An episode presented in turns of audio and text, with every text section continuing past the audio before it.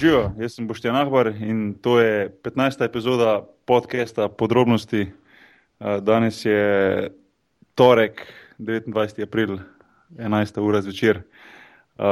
Ja, in dobro novico imamo. Imamo sponzorje podcasta. Um, in sicer gre za, eno, gre za eno mlado podjetje, mlado skupino ljudi, um, ki se imenuje Get Wet, uh, ki prereja zabavo na res svoj vrst način.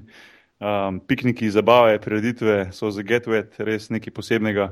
Uh, Verjemite mi, to je ena tako dobra zabava, uh, polna heca, povezana z vodo. Um, tudi jaz sem že sodeloval na, te, na teh uh, zajbancijah in bilo je res fantastično. Poglejte si več na strani uh, get-wet.org. Uh, Anže Tomič, kje si? Uh, v Ljubljani, tako kot vedno, starim. Vidim, da je si jih končal en podcast, pa zdaj že na drugem. Ja, zdaj sem snemal v bistvu uh, glave, pa sem pa s pižamo prekinil in zdaj sem pa sem tebe klical. Tako da vmes je bilo točno 7 sekund. Tako da zdaj moram preklopiti iz uh, Igre prestolov na, na, na današnjo temo, ki je še ne bom izdal, ker jo boš ti. Ja, ti, si, ti si res profi.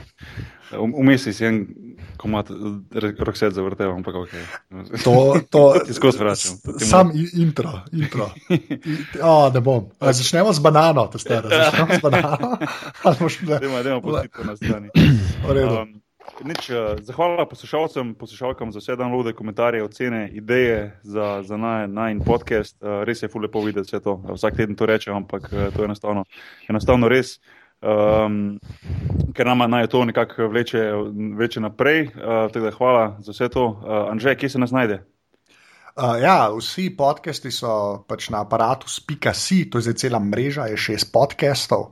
Uh, drugač pa smo tudi na iTunesih, kjer ljudje dajo zmeraj boljše ocene podrobnosti. To je treba povedati. Hvala vsem, ki ste tam dali oceno. Uh, potem pa še preko RSS se da naročiti uh, na uh, podrobnosti in na vse ostalo daje. Uh, drugač pa ja, pejte na aparatu Spika.si in tam najdete vse. Plus na Facebooku, ja, na Facebooku je tudi aparatus, tam poiščite aparatus Spika.si in ga najdete. Ja. Uh, ja, um, tako da res uh, hvala tistim za te komentarje. Jaz uh, moram povedati, da ponavadi teh raznih komentarjev na, na takih in drugačnih spletnih straneh ne spremljam, z veseljem pa pogledam komentarje na iTunesih, to pa priznam. hvala, hvala, hvala, hvala tistim, ki ste, ki ste to naredili. Um, ja, sam dan hitro omenim zadnji podcast z, z astrofizikom Anžetom Slosarjem. Uh, bil je fantastičen pogovor. Mene še zelo glava boli, to smo predelali vesolje. Anže, ti si že prišel k sebi. Ja, počasi, ja. pa tudi odziv je bil še spet full brutalen. Ful, jaz mislim, da bo to full manj, glede na to, da je to pač en tak bil nekošarkarski oziroma nešportni podcast, mislim, da bo zdaj zelo, zelo, mal, zelo mali odziv, ampak je bil primerljiv ja. z ostalimi, pa če ne celo večji no, kot ostali prejšnji. Jaz bi si upal reči, da večji. Ja, bomo, bomo, v, bomo v prihodnosti ponovili nekaj takega, ali pa obli Anžeta nazaj na podcast, ali pa uh, mogoče dobili koga drugega, koga novega. Uh, tako da v vsakem primeru tudi taki vesoljski podcasti nas čakajo v prihodnosti. Um, evo, uh, zdaj pa napoved gosta za danes, to je um, legenda košarke, lahko rečem že zdaj, uh, srpski košakaš. Um, jaz sem ga na Twitterju poimenoval zelo glasni, uh, Igor Rakočevič. Anže, štarti zadevo.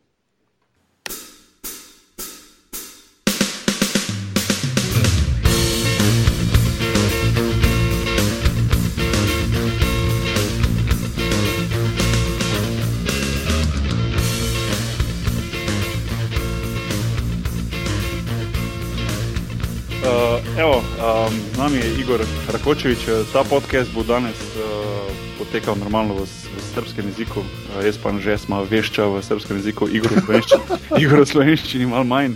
Tako da bomo pomagali Igorju. Uh, Igor, desi, se čujemo. Čau, čau, dobro večer. Tu smo. Ništa, evo, sin je zaspao, ja tu sad malo veškarim i radim prvi podcast u životu. Tako Prvi da... podcast u životu, pa dobro, evo, drago mi je da, da je to moj podcast i Nine podcast. Um, Pa imao sam neke ovaj, ponude da radim ranije, ali ja sam čekao da me ti pozoveš, tako da pitao sam se kada ćeš se i mene setiti, ono, prošli su i košarkaši, i fizičari, i svi živi, rekao, ajde, valjda će se setiti makar ako ništa zbog drugarstva i tako. da, da. Ne, ne, znaš šta je, čekao sam da ono da, da ja i Anže da postanemo dobro, ko dobar stroj, razumiješ, da radi to proradi bez problema i onda kad i to sad prošlo, sad možeš ti da, da uletiš ko, ko pravi, razumiješ. Um, ali hoću, ne, hoću da kažem, uh, Igor je moj, moj dobar, dobar drug, stvarno prošli smo uh, milion stvari zajedno, igrali zajedno dve godine u, u, u Turskoj i, i postali baš, baš dobri drugari.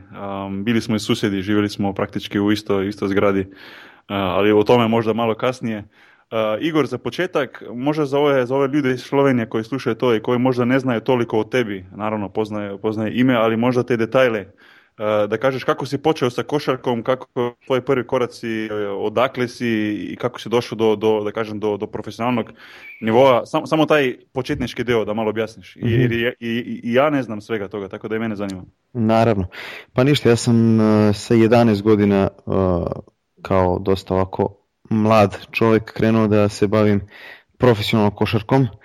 Posle prvog treninga koji je bio na malom Kalemegdanu, mali Kalemegdan je u suštini stanište gde su nastali mnogi zvezdini igrači i legende, to su onako zidine od uh, Turaka što su ostale uh, velike ovako ove kalemegdanske zidine i između tih zidina nalaze se ti betonski košarkaški tereni. Mm. I tu je Crvena zvezda imala svoje, ovaj, uh, svoju bazu, tu su bili tereni, mladi igrači, seniori, juniori, Moj otac je isto bivši košarkaš, isto je proveo ceo karijeru u Crvenoj zvezdi i bio reprezentativac, bio dobar igrač i naravno odveo me na, na, na trening Crvene zvezde. Posle prvog treninga već sam stvarno zavolao košarku i tako je sve, tako je sve krenulo. Inače, rođen sam u Beogradu, živeo sam ceo život u Beogradu, osim ovih nekoliko, ajde da kažem u stvari deseta godina što sam provao igrajući košarku u inostranstvu. Uh, ja, onda si zbog oca si pristao u Crvenoj zvezdi i ne u Partizanu. Ili? Pa, kako to tamo, mislim, kako je to tamo, pošto je ovo Mislim da je to naj, najjače rivalstvo u pa Srbiji. Ja u suštini nisam kao klinac, ni, ni, današnja deca mnogo im je sve više i dostupno i, i, i imaju i, i internet i mnogo TV kanala i, i ne, pa, sve pa, o, tome, o tome pričamo svaki put kad pričamo s nekim sportašem. Evo, isto, isto da. stvar kažeš ko svi. Ko svi ne, da. ja, ja razmišljam samo da, da je ovaj, e, današnja deca recimo sa, sa 10 godina su već e, mentalno što se tiče i, i informacija koje su im dostupne i koje, koje su pile ovaj, e, koje su upile njihov mozak su recimo na nivou uh, deteta od 15 godina pre recimo 20 godina. Znači sad ja, mene otac odveo na, na, ovaj, na trening Crvene zvezde, ja niti sam znao da tu postoji neki veliki rivalitet između Zvezde i Partizana, radnički, ne znam, Bask, neki drugi klubovi, znači mene samo odveo u suštini. Mnogo je bezbrižnije bilo i detinstvo, mi smo se igrali, uh, jurcali na polju, gađali kamenjem, ne znam, uh, jurili, igrali žmurke i sve te stvari smo radili koje danas deca ne rade, tako da ovaj nisi imao uh, ni toliko informacija, a ovaj jednostavno odveo me na trening, ali zanimljiva je priča da sam ja ovaj pre toga trenirao plivanje i stoni tenis. I u oba sporta su me treneri proglasili uh, ekstremno netalentovanim i maltene... znači, znači ako se vidimo na leto mogu da te u, u table tenisu da, da te razbijem lagano. to je sigurno, to je sigurno. A posle ja, sam, ja sam mnogo dobar, samo da znaš. E, pa dobro. Ovaj, I onda su me maltene onako rekli su mom ocu, iskreno dečko nije talentovan, nema svrhe. Čak sam i futbal nešto ovaj, malo probao, ali sam imao dve leve noge, nažalost, ali ovaj, u košarci sve bilo drugačije. Super. Uh, ali reci mi, sad kad, kad gledaš nazad na, na, na, to, na te tvoje početke i na, na svu svoju karijeru, što, pogotovo mnogo ti znači zvezda i to, ali, ali ako te neko pita šta ti znači crvena zvezda, znači kako ti je to, znaš, sad kad je kraj svega ili blizu kraja, šta, šta tebi znači crvena zvezda kao institucija, kao klub, onako, kako ti gledaš na to? Kroz sve pa, što ti je dalo i što je dala zvezda tebi i ti zvezdi? Pa mislim da, da smo uzajemno dobili i, i dali uh, jedno drugom puno. Uh, meni Crvena zvezda stvarno mnogo, mnogo znači i to nije sad neka fraza i neko izmišljanje, to je stvarno tako i najlepši osjećaj koji čovjek može da ima posle karijere i u toku ovaj uh, karijere, u toku igranja za neki klub uh, i osjećaj pripadnosti.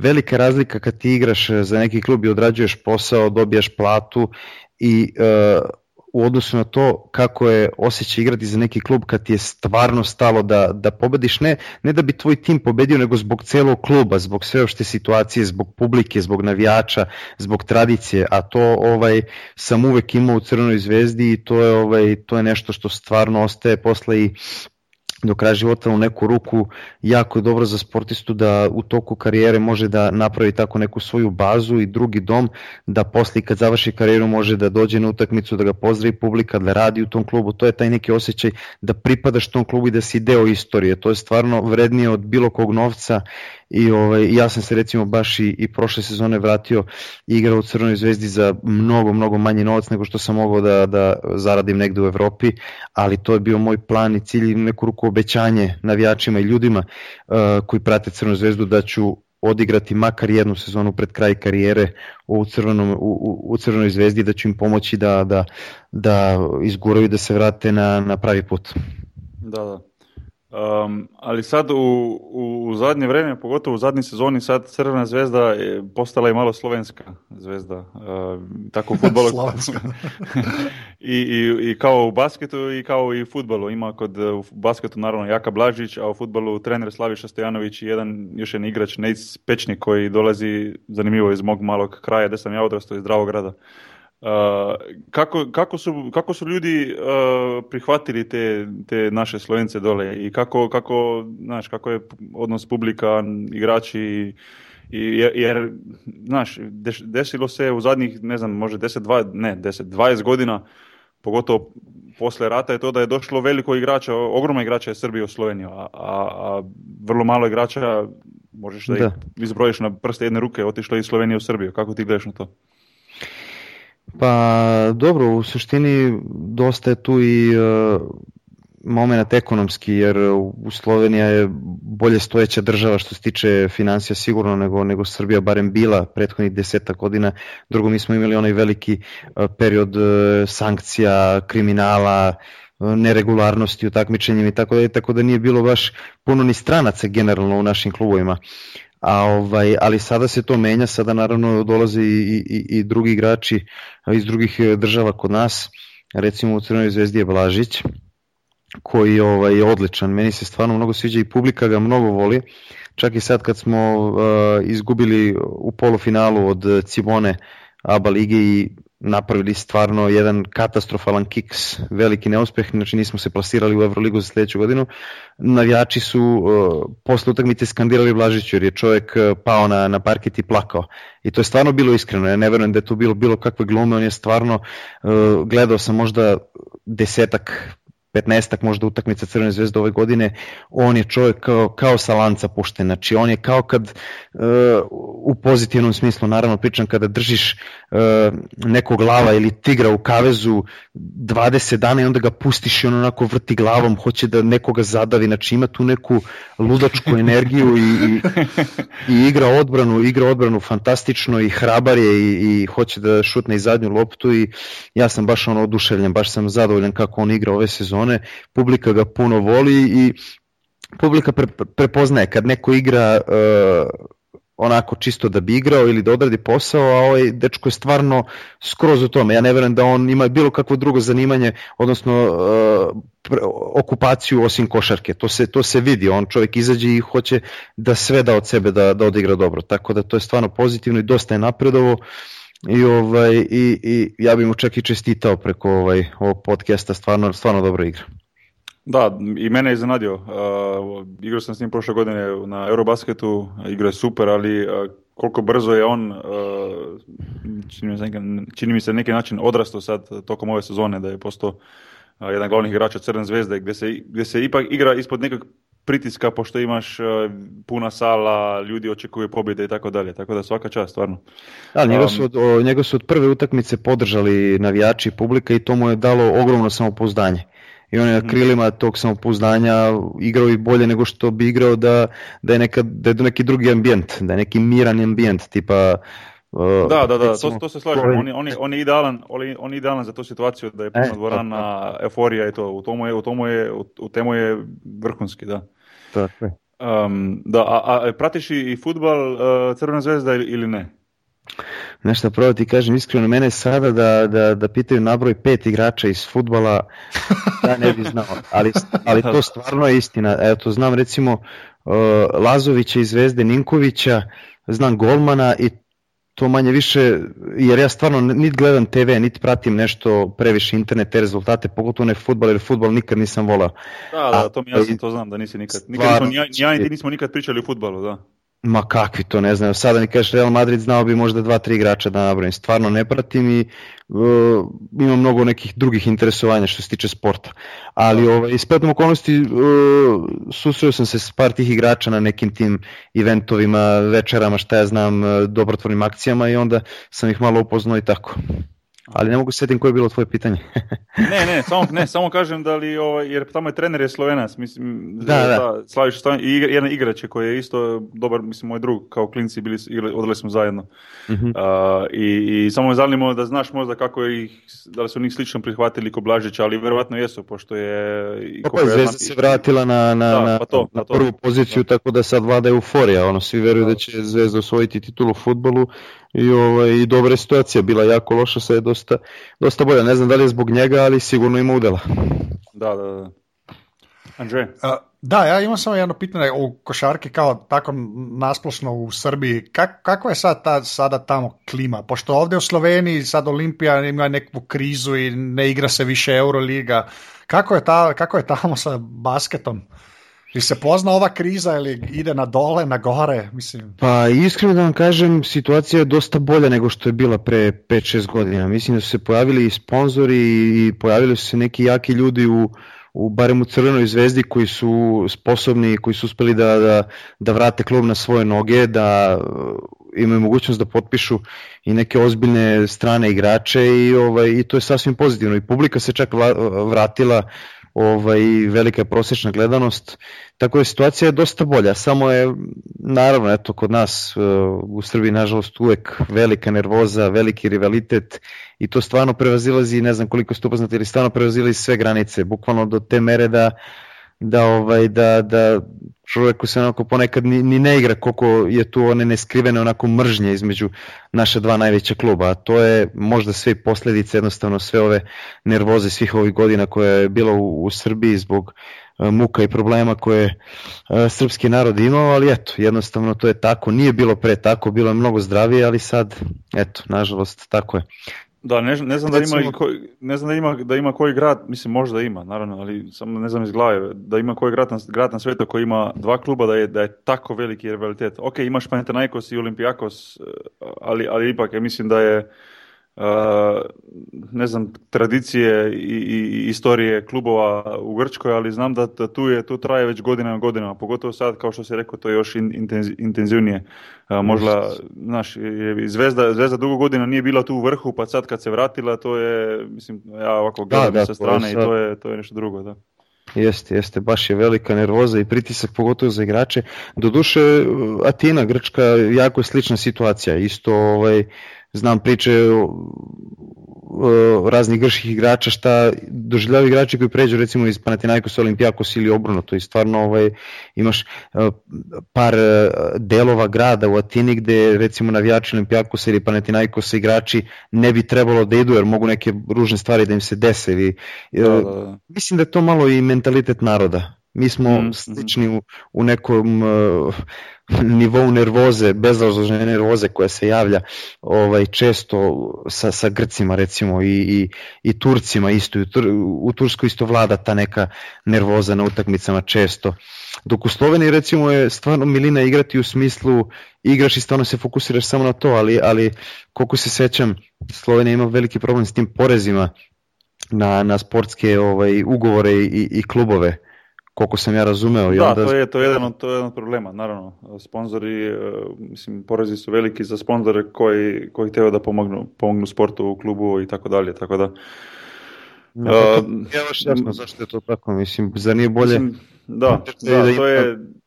To je, jedan, to je jedan od problema sigurno, ali u Sloveniji, mislim u Srbiji sad barem imaš dva realno top klubova koji mogu barem uh, malo da podijele taj pritisak uh, uh, cijelog basketa, razumeš da izdrže, da imaš ti dva klubova, dvije ekipe, dva trenera, dva, dva znaš, dva različita kluba. A u Sloveniji je samo Olimpija realno ona koja može da, da napravi nešto i ako Olimpija ne, ne, ne proradi, ako nije u Euroligi, onda je cijeli, cijeli slovenski basket više manje u krizi, razumiješ?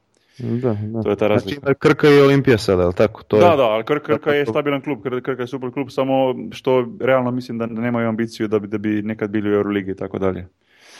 Ja se sjećam samo što se Krke tiče, to mi je ovaj, dva put sam tamo igrao, prvi put mislim 2004. godine i sad nisam zapamtio baš ni halu, ni kako je bilo utakmici to, ali sam zapamtio sam tako dobre ćevape pojao pred utakmicu. Znači, najeo sam se kao, da ti ne kažem, prase i, i, i da sam odigrao odlično. Ali... Pre utakmice, baš pre utakmice. Ma, da, ma zamiresalo tamo ispred hale, negde neki, ne znam i ko je držao taj kiosk, neki otišli. Ja i, ja i Dozet, čini mi se, ili neko otišao sa mnom i razvalili smo se i, i odigrali odlično. Ono. dakle, toga se sjećam. Te godine smo pravili haos, te godine u Crvenoj zvezdi. Bio trener još jedan slovenac, Mago Sagadin, koji ovaj... Aha. A, ona sezona, da. Je, je specifičan so, čovjek, onako tvrdi čovjek, ili te mnogo voli, ili te mnogo ne voli, nema, nema sredine. I kaže ti u lice odmah, ti si glup, izađi iz treninga. Čak je jednom ovom našem igraču rekao koji ga je stalno nervirao, rekao mu je, počeo se dere na njega, ajde nije bitno sada mu govorim ime, izađi, izađi na, idi pod tuš, operi kosu i onda izađi na balkon. I ovo je ovako dečko stao, ne razumem što da izađem na balkon, kaže pa da se prehališ, da dobiš upalu mozga, da ne dođeš tri meseca na trening. to mu je rekao. Ovaj, ta, ta sezona je meni bila naj, najbolja što se tiče atmosfere u životu, svašta smo radili, znači stvarno i pa dođemo na, na trening i sad neko kaže, aj, neko tu ima neki jogurt i neko je rekao, ajde, za ne znam, 50 eura razbi na sred terena jogurt 10 minuta pre nego što trener treba da, da uđe i sad neko je razbio jogurt i onda panika, peškiri, čišćenje toga da ne vidi trener, znači baš smo se ono lepo proveli. A to je kad je, kad je, ovaj, kad je što strožiji trener, to je veće iskušenje da, da praviš neke gluposti i, i, ovaj, i izizancije radi, radi atmosfere, tako da, Da, da, da. da. eto. Um, ali, ali, reci Anže, reci. A ne, ona, kad si ti išao u Ameriku? Pošto sve, sve goste koje su imala, koji su igrali u Americi, pa pitamo onda kakva je ova razlika kad ideš iz Srbije ili Slovenije u Ameriku, kako je to bilo za te? Pa ja sam eh, prvo odigrao dve godine u budućnosti iz Podgorice i odatle sam direktno otišao u, u, u Ameriku. I baš onako bi, bila mi je strašna tranzicija, teška tranzicija jer bukvalno iz, sa Balkana otići tamo, ne samo što se tiče lige i košarke, Boki to zna najbolje koga je razlika između NBA načina igre i evropskog načina igre, a da ne pričam balkanskog načina igre gde izgubiš jednu utakmicu i može svako dođe i da, ti, da te udari, da ti kaže, ne znam, da ti izvređa porodicu, da ti svašta uh, kaže na ličnom nivou, dok se tamo gleda izgubiš utakmicu, ništa, ajde idemo za dva dana nova utakmica, sve ok, dobro ste se zezali.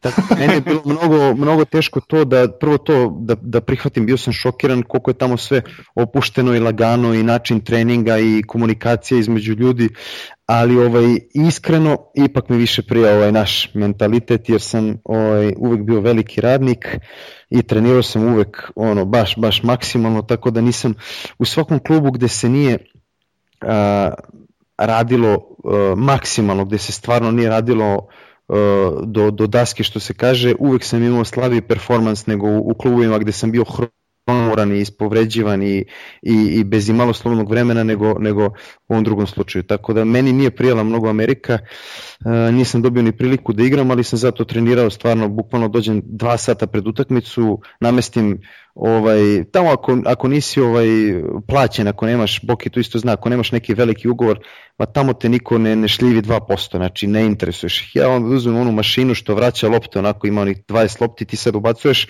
i ona ti sama izbacuje lopte. Ja sam to dva sata pred utakmice, onda utakmice tu možda igram 5-6 minuta, nešto malo i onda posle utakmice ovaj, ostane mi još još nastavim da ne seća se da moja žena stalno pizdela i nervirala se što ja dođem i šest sati sam u hali, ona, ono, ajde više, ono, smorio si, vrete, ono.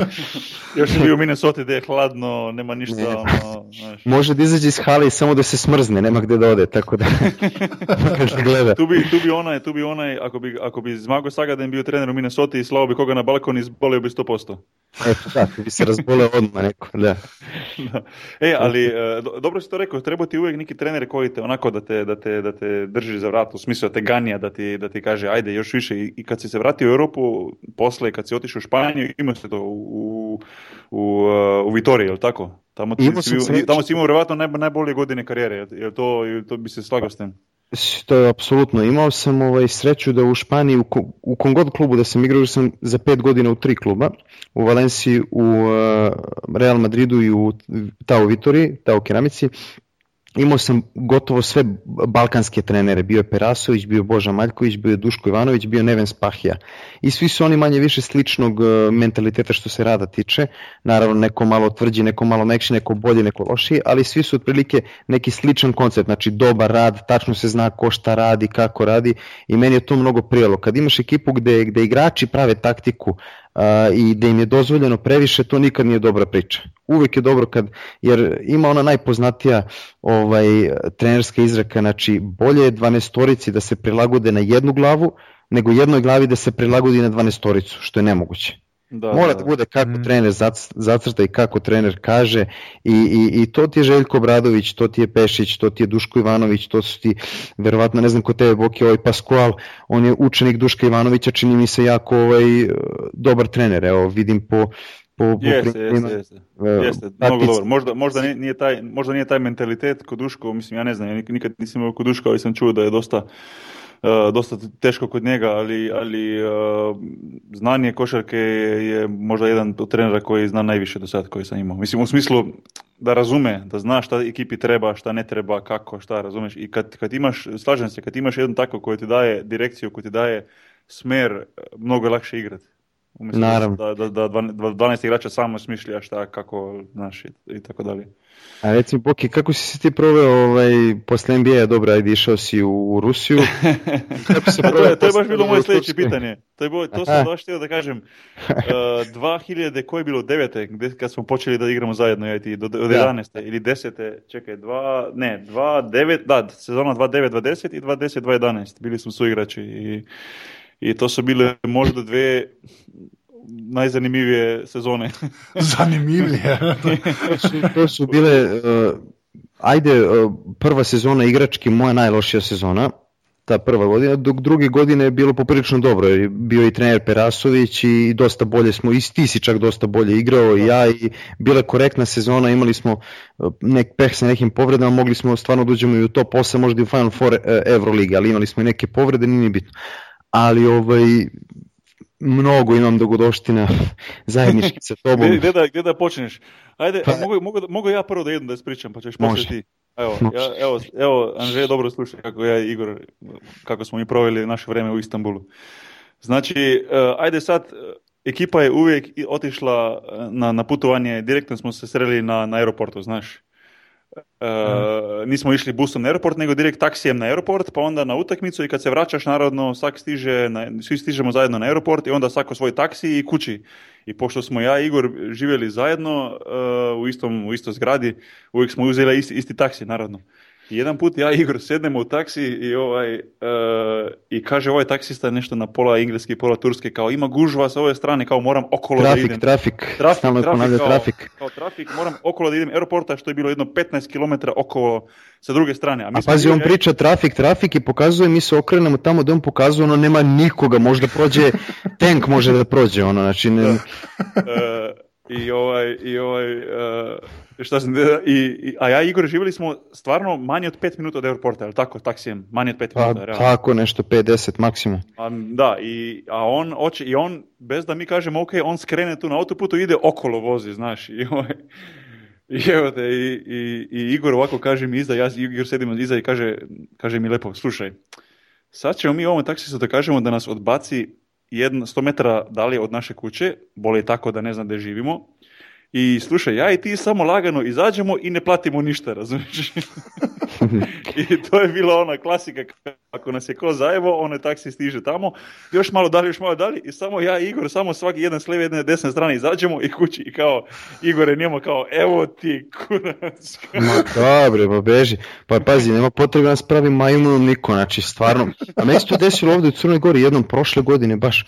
Vraćao sam se sa ženom ovaj, uh, iz grada i bukvalno taksi ti ajde 5 eura maksimum do, do moje kuće, znaš. Međutim, padala je neka kiša, znaš, i sad mi čekamo tu malo pokisli i neki taksi ti ono trčiš, digneš ruku i teže naći taksi kad je kiša, jer svi idu u taksi, neko neće peške, uđemo u taksi i vozimo se, vozimo se oko 12 eura.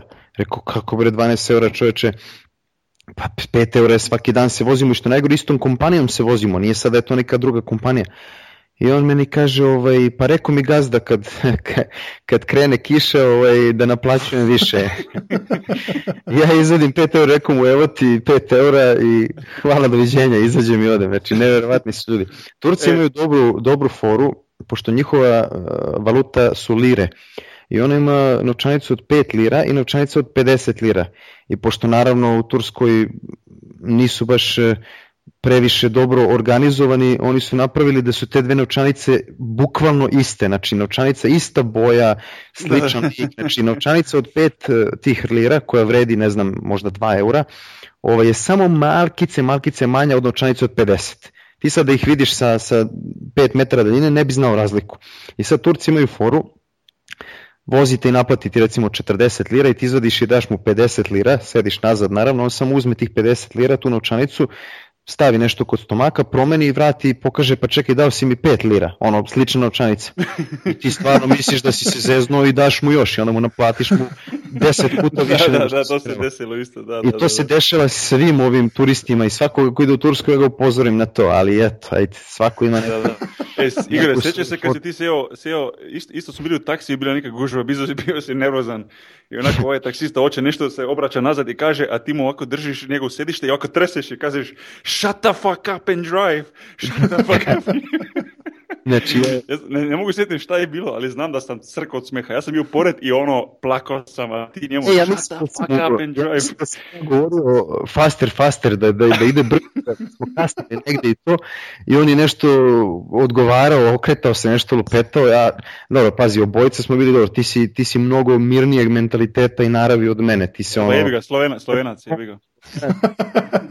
Mnogo treba čovjek da, da te iznervira, znači to je stvarno baš, ja nisam upoznao čovjeka koji je ono tolerantni i, i pažljiviji, ono stvarno imaš gvozdene živce, dok ja sam jako, jako impulsivan, ovaj, i kako se zove, ja sam bio te prve godine što smo igrali u, u, u, ovoj, u Istanbulu, ja sam bio van sebe, ja nisam bio ja, ja sam bio tako nervozan i tako negativno naelektrisan zbog, zbog toga što mi se dešavalo u klubu da sam, da sam ono bio baš kao temperana bomba, ono, samo malo ono, klikneš odmah da pukne.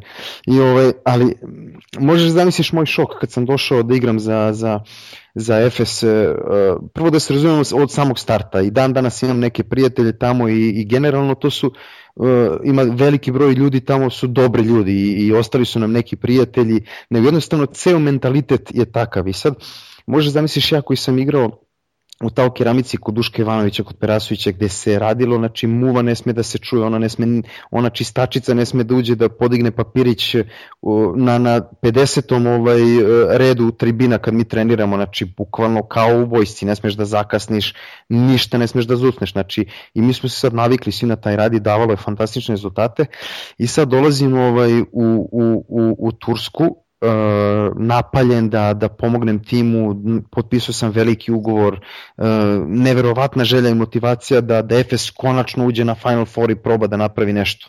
Ovaj, još kad smo ovaj, se videli Bok i ja u hotelu Intercontinental pre nego što je on potpisao, uh, Ja sam rekao, pričao sam sa, sa trenerom, pričao sam sa GM-om kluba, rekli su mi velike planove, sve pod konac, zna se tačno ko šta radi, ja sam sad bio stvarno ono napaljen da napravimo čudo i sećaš se Boki, pričao sam ti u super će biti, da, da, da. O, zna se ko šta radi, dobru halu imaju sve. I sad ja samo s tim mentalitetom i tom nekom slikom dolazim i mi imamo prvi trening. I sad prvi trening su nas vodili uh, ovaj, u neku šumu. Ustavi bio neki prvi trening u hali, ono kao da se upoznamo i sad kreću pripreme i sad mi idemo u onu Belgrad se zvala šuma jedno 30 km od centra, znači dok dođeš tamo sat vremena, ali da nema veze. Van, van Istanbula.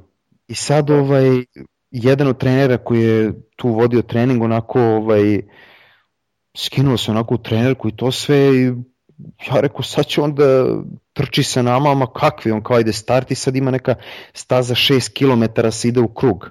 I sad na svakih 500 e, metara, na svakih pola kilometara je znak e, 500, 1000, 1000 i po 2000 kako ide. I to je sad 6 km i treba da se istrči za neko vreme, dao nam je za toliko morate da istrčite. I ja sad rekao super staza, trčanje, sad ću lepo da se spremim, ono već krenuo, krenuo prvi da budem uvek kad god je neko trčanje sprintevi to ja volim da budem prvi to. I ovaj da vučem i, i međutim ovaj dva igrača ispred mene koji su ono starosedelaci već igraju uh, dugo za, za, za taj tim ispred mene i kao ne, ne, kao mi, mi vodimo, mi idemo prvi. Ja rekao, pa ajde, dobro, šta sad, nema veze. I tu sad trčim izme, i, uh, iza njih i mi trčimo i zašli onako prva krivina i samo jedan od njih ovako diže ruku, stop! Ja rekao, šta je sad? Kroz šumu. Ja sad u šoku, šta, kako, šta bre kroz šumu, znači ništa mi nije jasno. I mi sad tu ovako cela ekipa kroz šumu, onako i ovaj, i tu onako hodajući lagano neko smenje pričanje i popnemo se na, na nastavak staze i ono piše 2,5 km.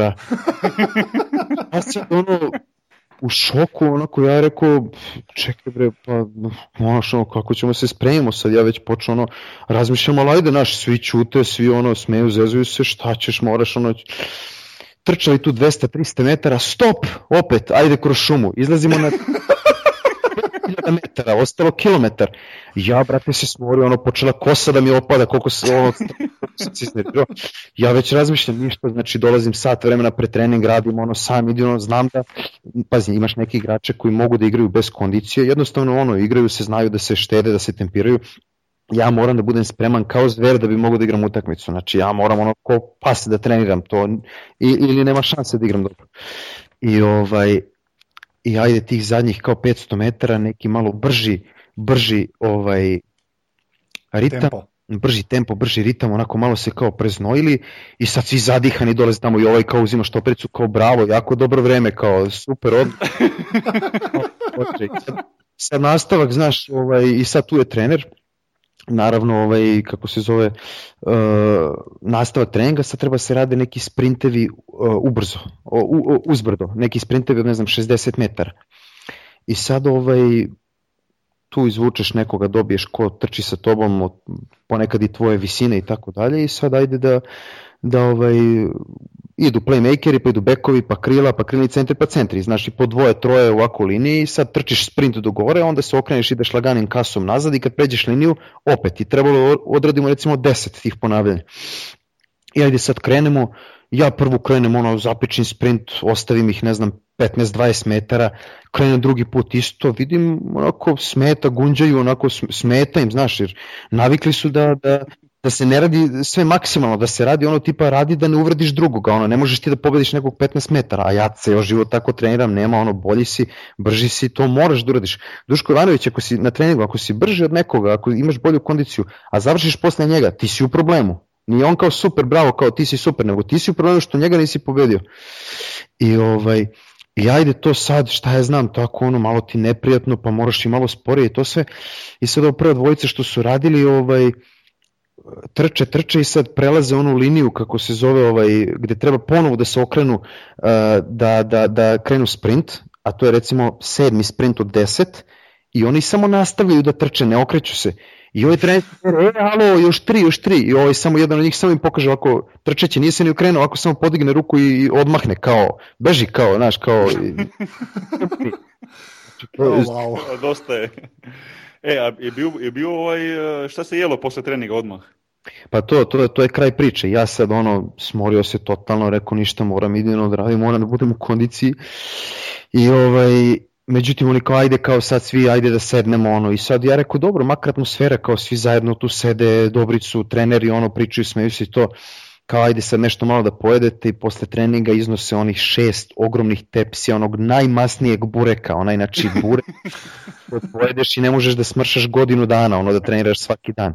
Znači ne, ne, to je bio moj prvi trening u, u, u, ovaj, u, u Turskoj, ja sam toliko ovaj, uplašen i, i, i, i u šoku došao kući da sećam se razmišljao sam i ote čekaj, nije valjda da će stvarno ovako da bude. Da, I sad bilo malo bolje i to sve, ali šećer na, na polufinalu kupa ovaj, na kupa Tursku pa si pitao ne znam jednog od zaposlenih u klubu pao mi je šećer dajte mi nešto da malo da da li baklavu da, da. dobio sam baklavu da, Pa ne šećer, neči, neverovatno. Tako da. da. E, ali... Uh, oh, wow. samo, samo, ne, to, to, to su te, ali to je bilo, Anže, to je bilo onako, to je bilo dnevno, to je bilo, kad kažem da je bilo dnevno nešto, to je stvarno bilo dnevno nešto se desilo smešno, onako, ja Igor, samo smo se, samo smo svaki dan se rekli, imaš neki šok za mene, to je bilo onako, umjesto zdravo, kao da kažeš, imaš neki šok, šta se desilo nešto novo. Ja.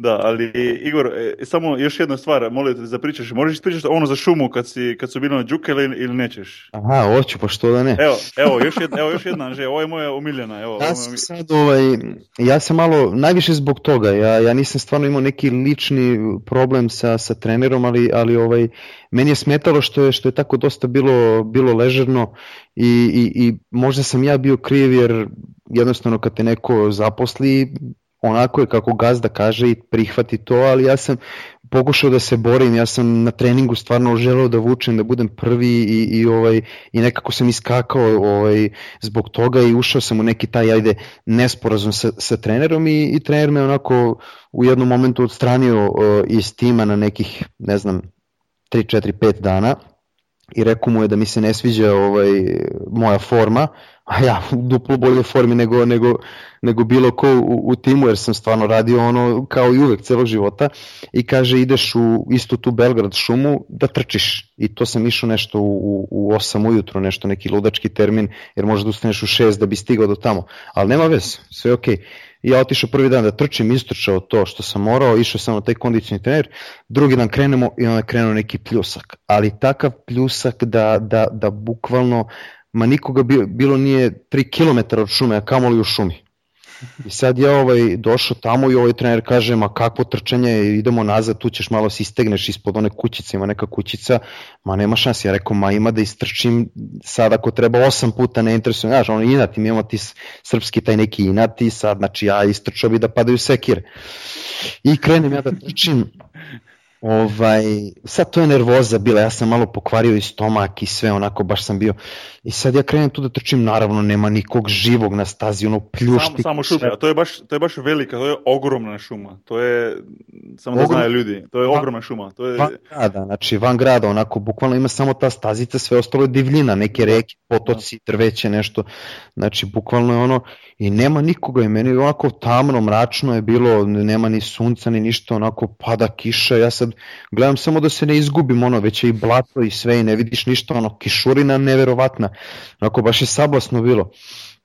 I ja sad tu trčim i, i, i, i ima onako neki malo širi deo i vidim jedno, ma 10, 12 onih pasa lutalica onako, onako sede onako, sede onako ovaj, na, na kiši, onako u krugu nekom, onako kako organizovano, onako svi sede. Šta malo zastanem, šta da radim sad, rekao, ako se okrenem nazad, trčaće za mnom, ako nastavim, doću do njih i izujedaće me, nema bre nikoga živa, ono, 10 km oko mene. I sad razmišljam ono, valjda čitao sam negde ono, ako te napadne medved, ono, pravi se si mrtav ili ono, ako, ako kreneš da bežiš od životinje i krenut će da trči ka tebi nešto. I ja rekao, aj ništa, ja ću ono malo laganije da protrčim pored njih, kako se zove, i ovaj, ja mogu zamisliti tebe i deset ovih džukela Vukova tamo kako te gledaju.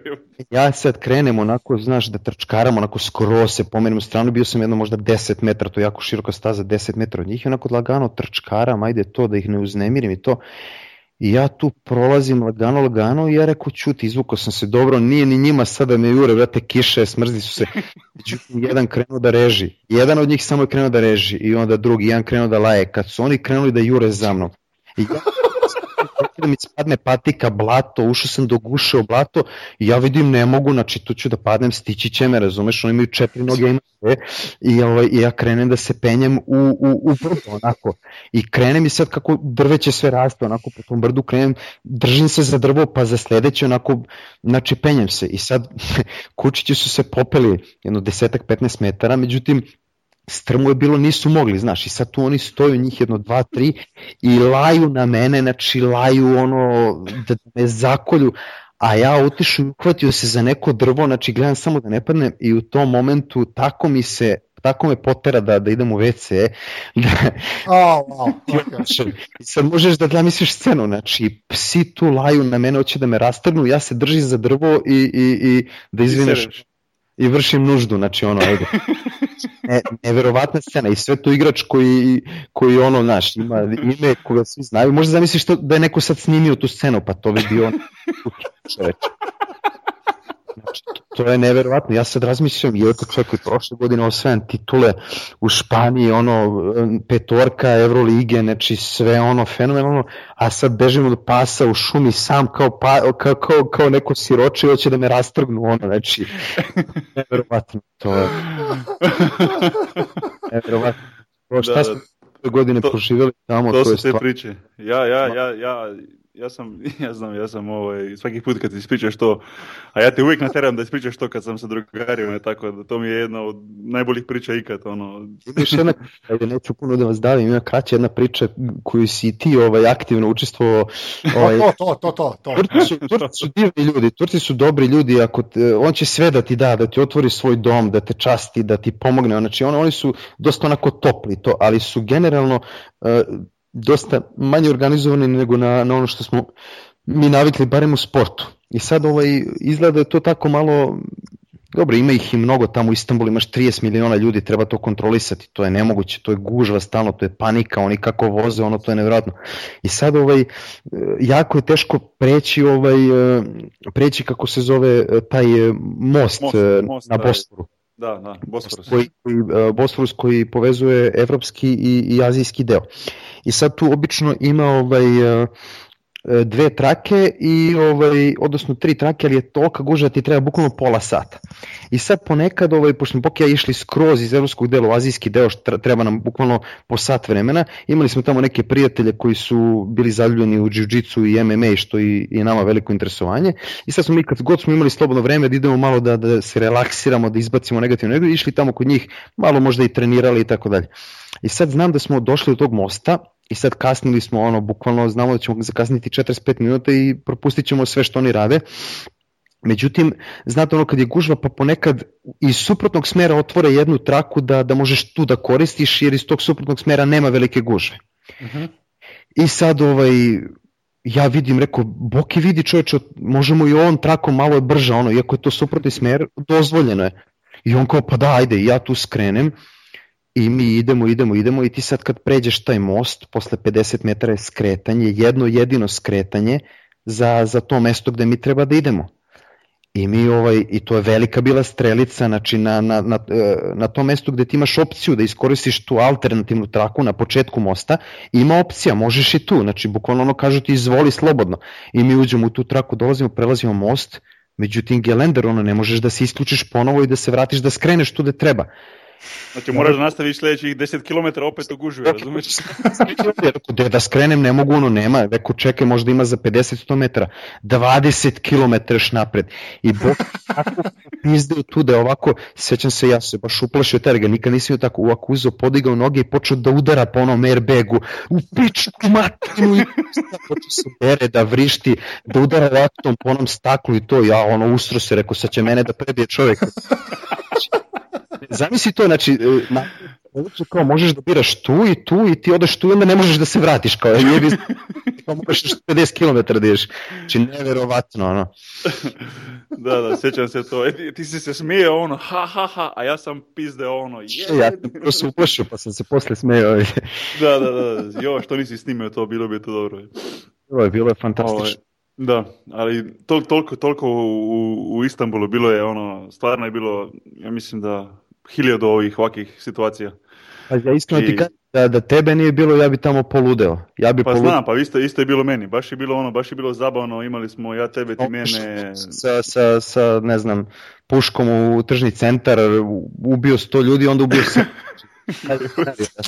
Totalno bio poludeo. Znači ja sam bio elektrisan, da nije bilo tebe tamo da me malo, ti si me smirivao svaki dan, sećam se. Dobro. Da, da, da. Um, ali, ali reci mi, um, uh, da, da malo idemo van iz kluba, da se malo samo, da malo pričamo o reprezentaciji. Ti si bio europski prvak 2001. i 2002. svetski, je li tako? Tako je. Um, možda, možda možeš da kažeš par stvari o tome kako je bilo u, u, u toj timu, i u toj generaciji igrao si sa nekim stvarno legendama uh, jugo, jugo basketa, da kažem tako. Kakve su to uspomene na to, mislim, znaš, ipak si europski i svjetski prvak, to, je, to, to, to vredi, vredi mnogo. Pa nema šta, to je mislim moj najveći uspeh, timski uspeh ubedljivo, znači ne može ništa da se meri sa osvajanjem uh, ovog svetskog e, prvenstva. Znači, sjećam se, igrao sam neki, uh, neku utakmicu Evroligašku i nešto sam se zakačio sa, sa protivničkim nekim igračem koji isto bio dobar igrač, nije, nije bitno, ne spomenuo i kaže, ti nisi nikad osvojio Evroligu. ja razmišljam, čoveče bre, pa znaš ti šta je svetsko prvenstvo za Euroligu, znači to je puta 10 i sad ovaj, uh, govorim u smislu tome da, da je to stvarno toliki nezamislivi uspeh da je pitanje da li će se ikada ponoviti uh, uh, nama, jer, jer pogotovo sada kad Amerikanci igraju sa, sa najjačim timom, iako su i tada igrali sa jako, jako dobrim timom, to je bio skup neverovatnih igrača. Ti još, još imao... je bilo u Americi, ili tako? To je bio Indianapolis. Još da, je da, od sred Amerike. Znači, I oni su igrali, do, dobar tim su imali. Bio onaj Jermaine O'Neal, Reggie Miller, Paul Pierce, eh, Baron Davis, Andre Miller, bilo je stvarno dobrih igrača.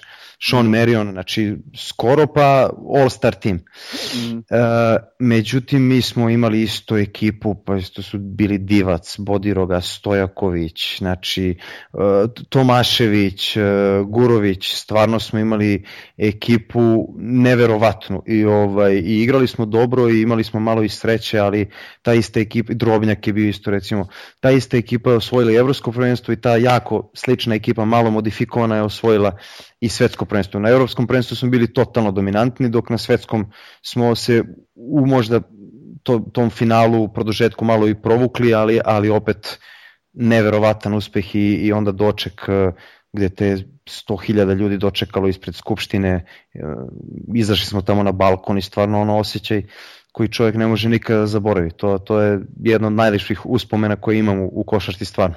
Naravno, naravno. Um, a že, Pite da neće samo da ja pričam.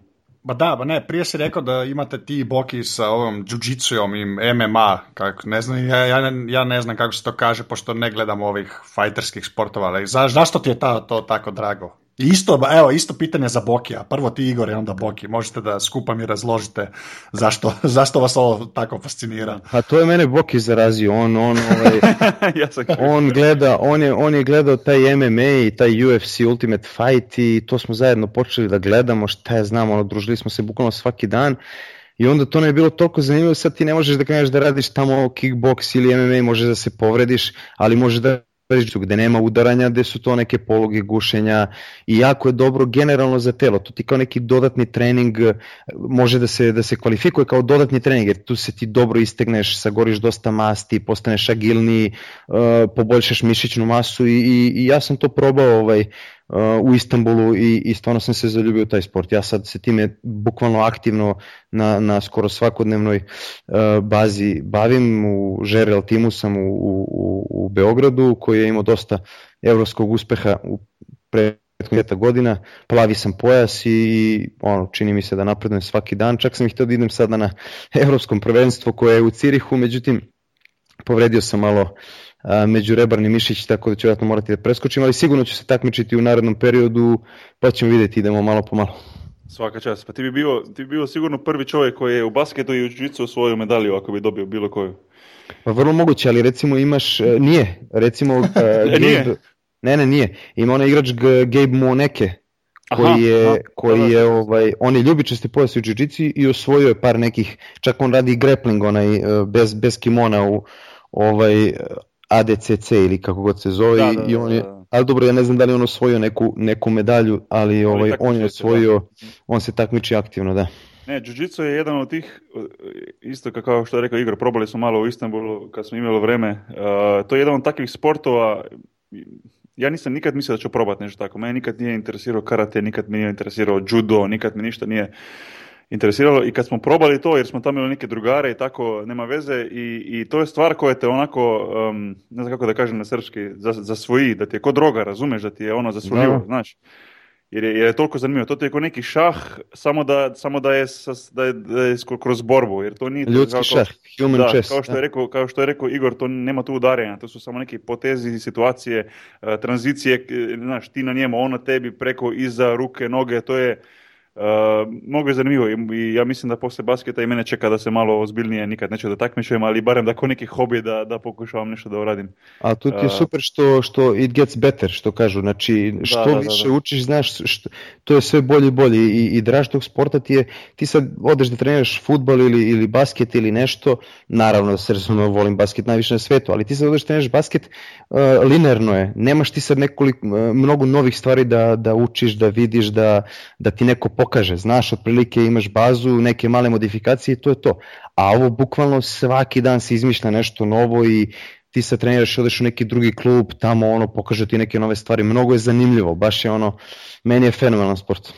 Da, da. Um, a, reci mi sad, Igor, kakva je tvoja trenutna situacija u smislu basketa? Jesi, jesi završio totalno ili, ili nikad nisi rekao sad sam, sad sam završio s basketom, znaš, ono, I'm retired officially, ono, kako kažu, da, da, da kažeš što je to. Nikad nisi, barem ja nisam čuo da bi ti to rekao onako, razumiješ? Pa- da li tu možda šansa da se vratiš, možda u neki, na neki, neki, neki klub gdje nikad nisi bio da igraš, da pomogneš klubu da u drugačijem smislu da, da možda da, da aktivnije E, da surađuješ s e, mladim igračima ili, ili bilo šta, razumiješ?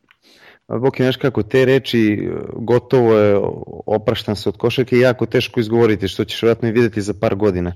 Mhm. Ovaj, ti možda i u, u glavi si završio, ti i dalje hoćeš da kažeš čekaj, ajde možda ću još malo da igram. Mnogo je teško stvarno povući crtu i reći to je to. Ja sam ovaj, uh, bio mi je potreban mnogo duži odmor uh, prošle, uh, posle pro, kraja prošle, prošle sezone i odmorio sam se i ovaj, imao sam nekoliko stvarno finih ponuda, međutim to su sve neke opcije koje me nisu interesovale. Bilo i daleko i nije bilo nekog smisla, tako da ne mogu da kažem da sam da sam se povukao da ne igram više stvarno ako se nešto specijalno bude otvorilo da, da, da mi bude zadovoljstvo kao što sam uživao prošle godine u Crvenoj zvezdi mogu da kažem ok, odigraću još sezonu jer sam u, u fantastičnoj fizičkoj spremi i, i nemam ovaj, nikakvih problema sa, sa, sa povredama. Ali ako se to ne desi verovatno a, u nekom skorijem dobu verovatno ću morati ja stvarno da kažem e to je to i da, da, da završim s tim. Tako da vidjet ćemo ali još eto daću sebi još 3, 4, 5 možda meseci pa ćemo odlučiti de, definitivno. Aha. Ali, ali kao što si rekao, teško je napraviti tu zadnju odluku, verujem. Ja kad malo pomislim na to, ne znam kako bi, znaš, jer, jer toliko, toliko, navi, toliko navikneš da je, da je basket svaki dan tvog života, da, da odjednom da bi, da bi stao i da, i da bi bio bez toga, stvarno ne znam, to, mora, to je stvarno veliki, veliki, ovaj, velika promjena u, u životu. Bar- Imaš, imaš jednu poznatu uh, izreku, nosi kamen u džepu pet godina, pa će ti biti žao da ga baciš. Da, A da. zamisli da radiš nešto svaki dan i da živiš od toga i da te ljudi vole zbog toga 25, 25 godina i onda kažeš odjednom ćao, to je to, nema više. Znači, to je kao, veruj mi kad završiš, kad ne igraš više, osjećaš se posle par meseci, ajde super ti odmoriš se, imaš vreme i to, posle osjećaš kao da si umro, kao da se ponovo sad uh, rađaš i totalno novi život. I, i još jedan veliki problem uh, ovaj aktivnog, odnosno sportiste koji je jako bio aktivan i, i, i kome je ta karijera bila intenzivna kao meni, uh, posle karijere se javlja jedan veliki problem, a to je kako čovjek da se opusti.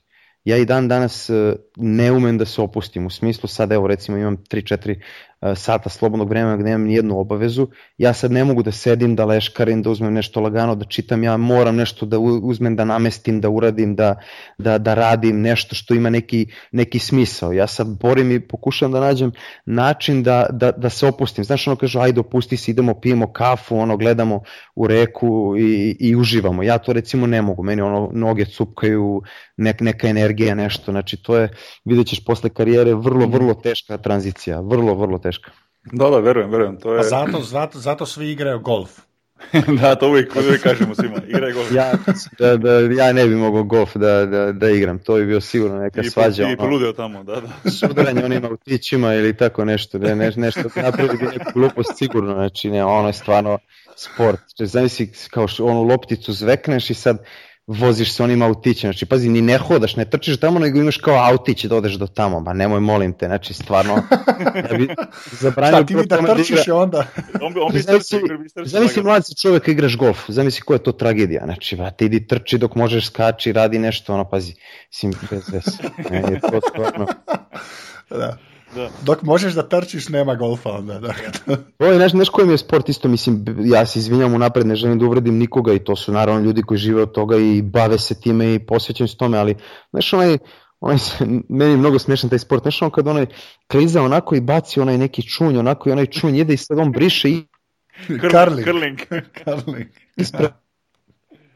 Čekaj, ako to prošlo, kako ti možeš da utičeš brišući iza osim, osim nekom, nekim tim vetrićem koji bi mogao eventualno da naneseš na to, to mi nije jasno. Znaš, i sad on kao... To meni isto jasno. Možda, že, ti znaš zašto oni kad, kad spusti ovaj curl, curling, znaš kad pusti, zašto oni brišu iza?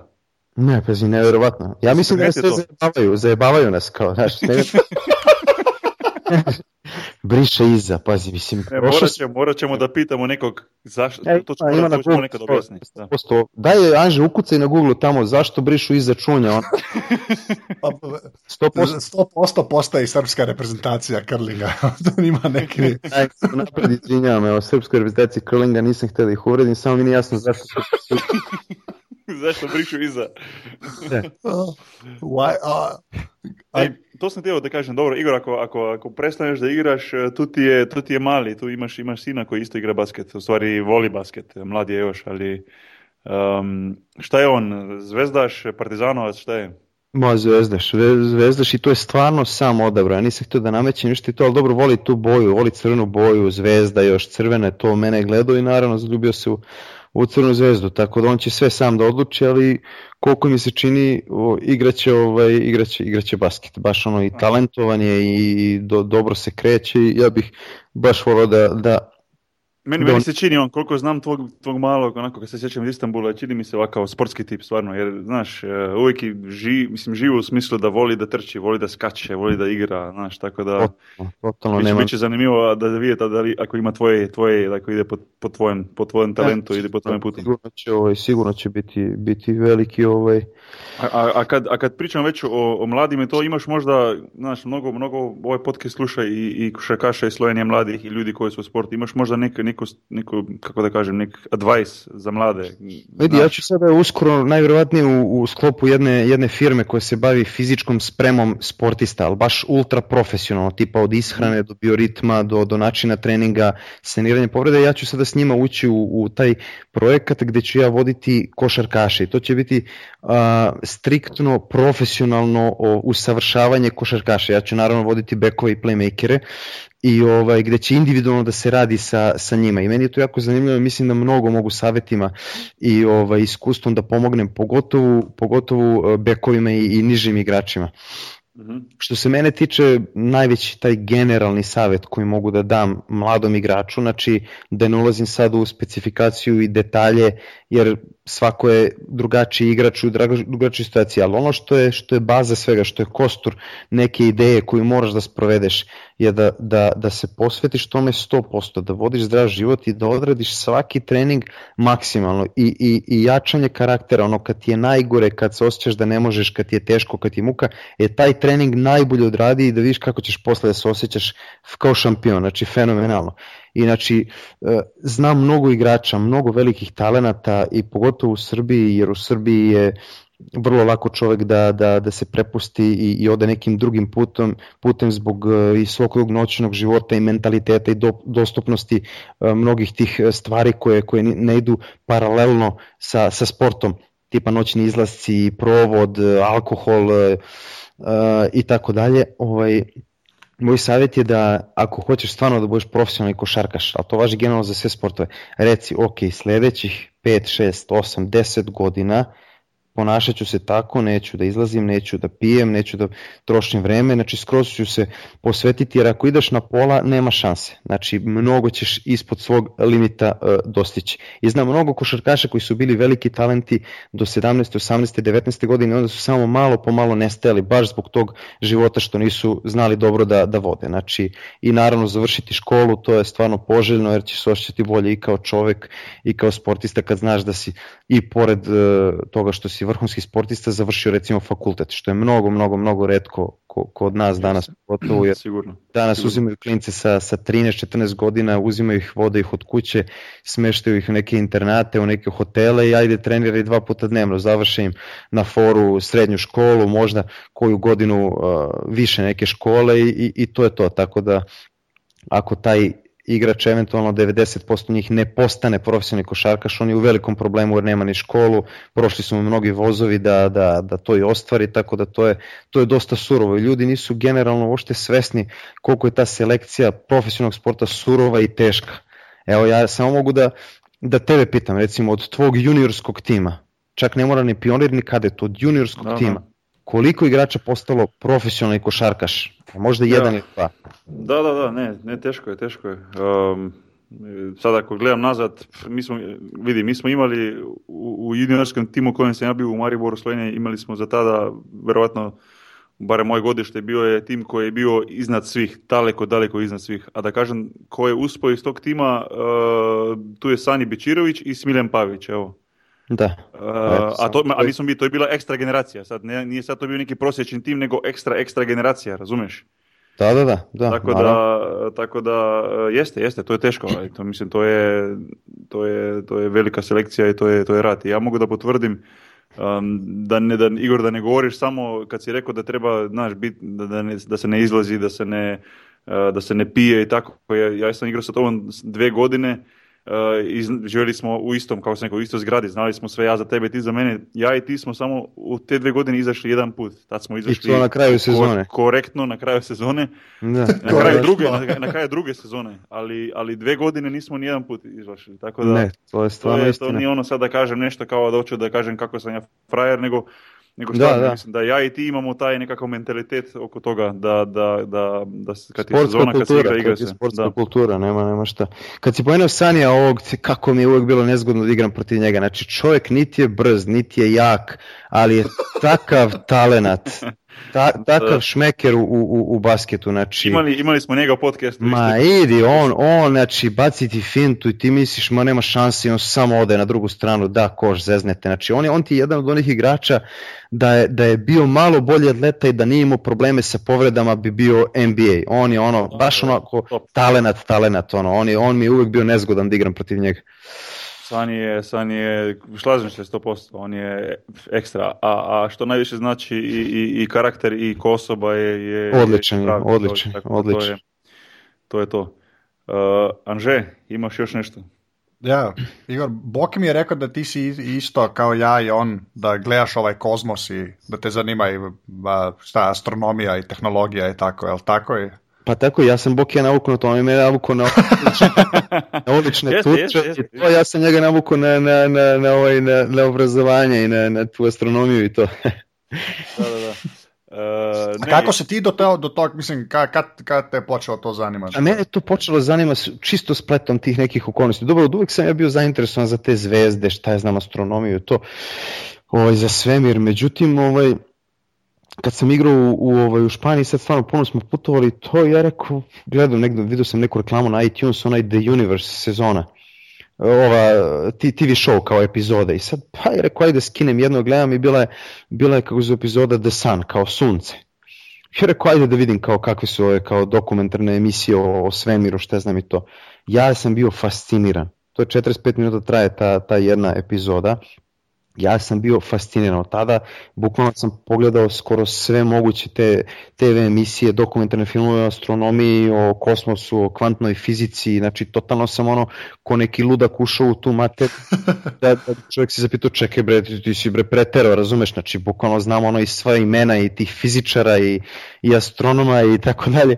I ovaj, to stvarno obožavam da, da slušam, to me, to me neverovatno smiruje, jer to su toliko neverovatne stvari, a realne stvari da, da da onako postane čovjek i skroman i smiren i, i, i mnogo prija u smislu u smislu da kako se zove da, da kad ti se i dese neke loše stvari kada ti pogledaš magnitudu i veličinu tih, tih drugih realnih stvari van tebe, tipa svemir i te zvezde i život, te stvari loše koje ti se dese ti se čine toliko minorne i, i, i, i beznačajne i, i male da, da, da ih mnogo lakše prihvatiš.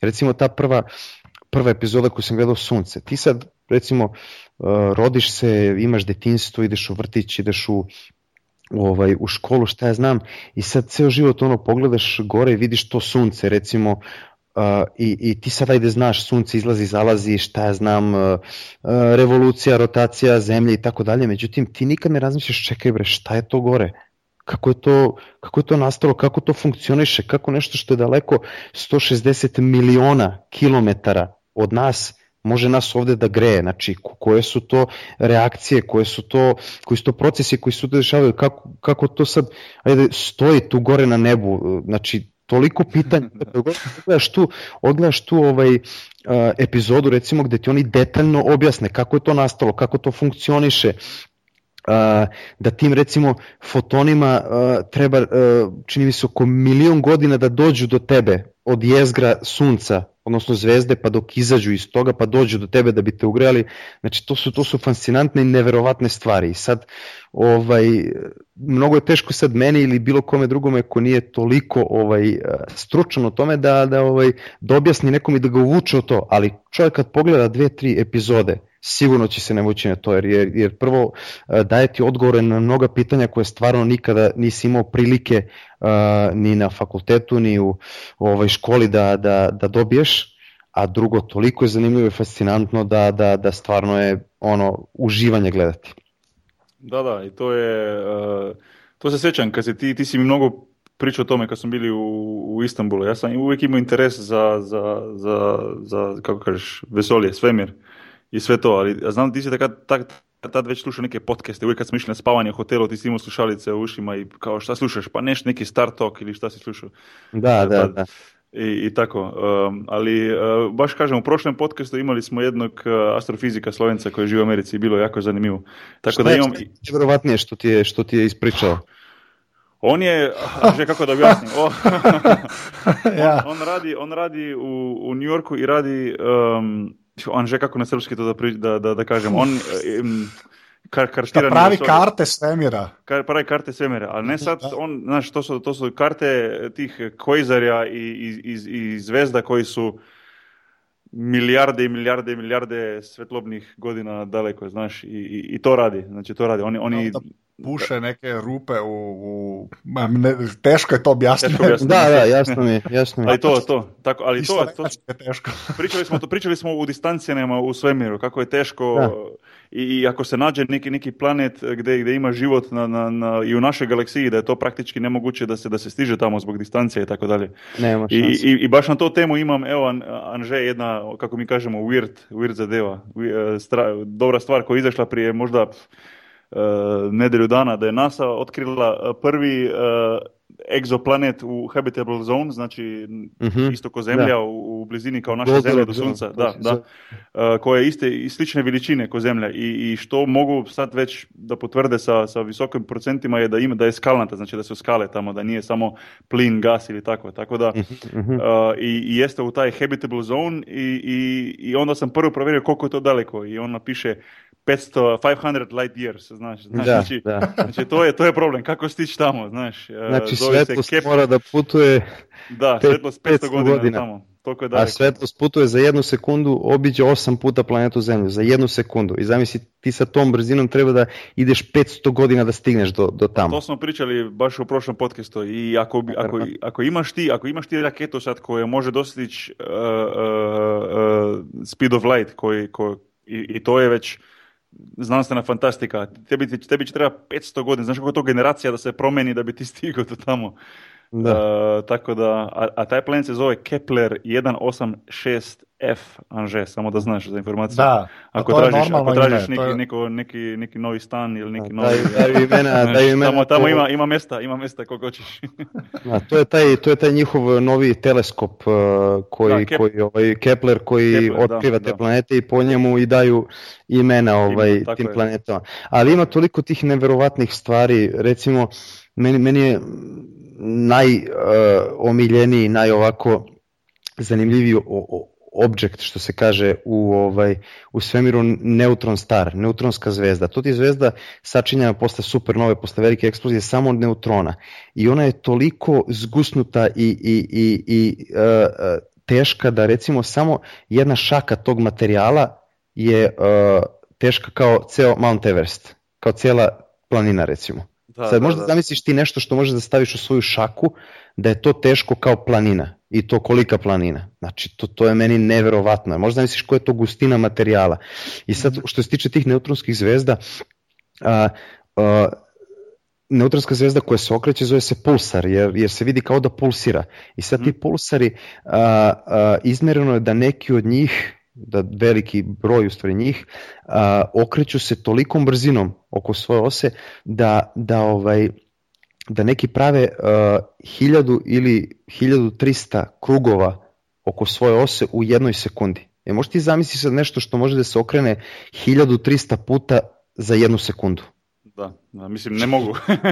Zamisli, to- je, to je meni neverovatno. I sad, e, tu, tu, tu je problem što e, ti e, sa percepcijom koju imaš o, o, o, o svetu u kome živiš, sa, sa onim što ti se svaki dan dešava, sa, sa veličinama u kojima, e, sa kojima si u dodiru, najveća zgrada, najveća reka, najbrži auto i tako dalje. Si, ti si sad prihvatio te veličine i sad kad e, počneš da slušaš kolike su te veličine i brzine i, i, i snage u, u, u svemiru, tvoj mozak nije pripremljen da to može da, da razume. Ne, pa to su te stvari. Ja sam baš prije, ja jučer sam video neku stvar na internetu, dao sam i na Twitter, da, da na- do sad naj, najveća, najveća zvezda koju su otkrili. Ovako imaš primjerjavu Zemlja, pa onda naše sunce, pa onda još par tih većih zvezda i onda najveća zvezda. Znaš koliko, ja mislim da je jedno milion puta veća, veća ta zvezda od naše, od našeg sunca. Znači Da, možeš da, da. zamisliti koliko je to veliko. Mislim, to su takve stvari koje ja, ja. Neverovatno, Znaš, znaš kako je? E, neki ljudi e, kad, ne znam, e, Kim Kardashian stavi novu sliku od nove, ove, novog novčanika Louis Vuitton koji je kupila, ne, nekim je to fascinantno, a meni je više fascinantno kad pročitam na internetu, na primjer, da je jedan centimetar, jedan kubični centimetar sunca, ako je odaljen od tebe do 160 km, može, da, da, da te zapali tako jako da, da umreš od toga, razumiješ? Pa da, to su da. meni fascinantne stvari, ne ono. I, i Pa dobro, ti moraš da- da. Znaš šta, velika većina ljudi je, je poprilično prosto što se tiče obrazovanja i, i to ono što, što Joe Rogan tvoj veliki idol i znam da ga obožavaš i pratiš ga, ono, m, tužit će te koliko ga pratiš, ono, bukvalno, kad bi znao čovjek koliko znaš o njemu, on bi te tužio, sigurno, ali on je stvarno van serijski čovjek i, i stvarno neverovatan lik, ali on kaže, ima ono kaže baš na engleskom, don't lead predetermined pattern of life. To znači da, da ti se sad e, rodiš i tačno se zna šta ćeš ti da radiš. Ideš u školu, pa ideš u, ne znam, odnosno ideš u vrtić, pa ideš u školu, pa ideš u obrazovanje, pa ćeš da se oženiš, pa ćeš da ono, pre toga nađeš posao, pa da obezbediš svoje stambeno pitanje i tako dalje. I u tome ti prođe ceo život. Bukvalno ti možeš da, da kažeš za nekoga ko ima 17-18 godina šta će on da radi u životu i šta će da bude. A sve te druge sporedne stvari koje su toliko divne i toliko bitne, one, ovaj, one se propuste u toj nekoj jurnjavi za, za preživljavanjem, za, za ostvarivanjem kapitala, jer takav ti je današnji sistem života. Ako se ne boriš i ne radiš kao pas od jutra do mraka, ti ne možeš da, da, da, da opstaneš, ti ne možeš da pobediš ko- konkurenciju. I to je jako tužno, što, što sadašnji ovaj, eh, modern čovek nema vremena da stane malo, da, da se posveti tim lepim stvarima. Da, da to, se, to se slažem sigurno. Ja, Um, čekaj, to je bilo samo- vrlo lje, lijepo za, tako za... Za, za na kraj, dobro si rekao to, da. da. Um, za na kraj reci mi samo Igor, gdje se vidiš za jedno deset godina? Šta, će, šta misliš, gdje ćeš biti, šta ćeš raditi? Imaš neki plan? Golf. Mislim da će igrati golf. Evo, to je. Ne, ja on, će još on, on će biti 80 godina, još će trče tamo u, u, u, šumi i, neke džukele iza njega, vidjet ćeš.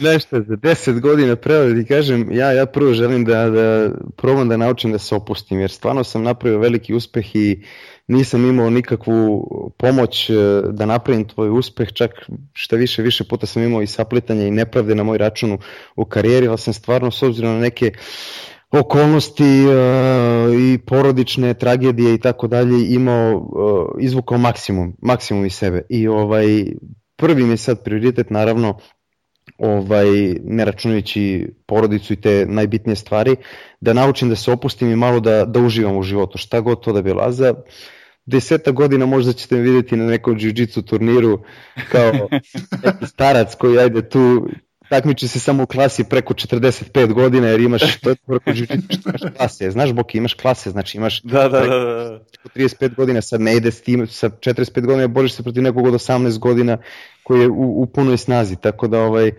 to je još jedna draž tog sporta. Tako da vidim sve to, to ću vjerojatno raditi, takmičit ću se sigurno, takmičenje mi je u krvi, ne mogu ništa da radim ako nije neko ovaj, takmičenje u, u, u pitanju, pa makar to bio šah ili plivanje u bazenu, uvek volim da je, da je neko takmičenje. Ovaj, tako da eto, tako sebe vidim, znači uživanje, malo sport, e, pomaganje ljudima, do, volim dosta da, da pomognem ljudima na bilo koji način na koji mogu i eto, tako otprilike.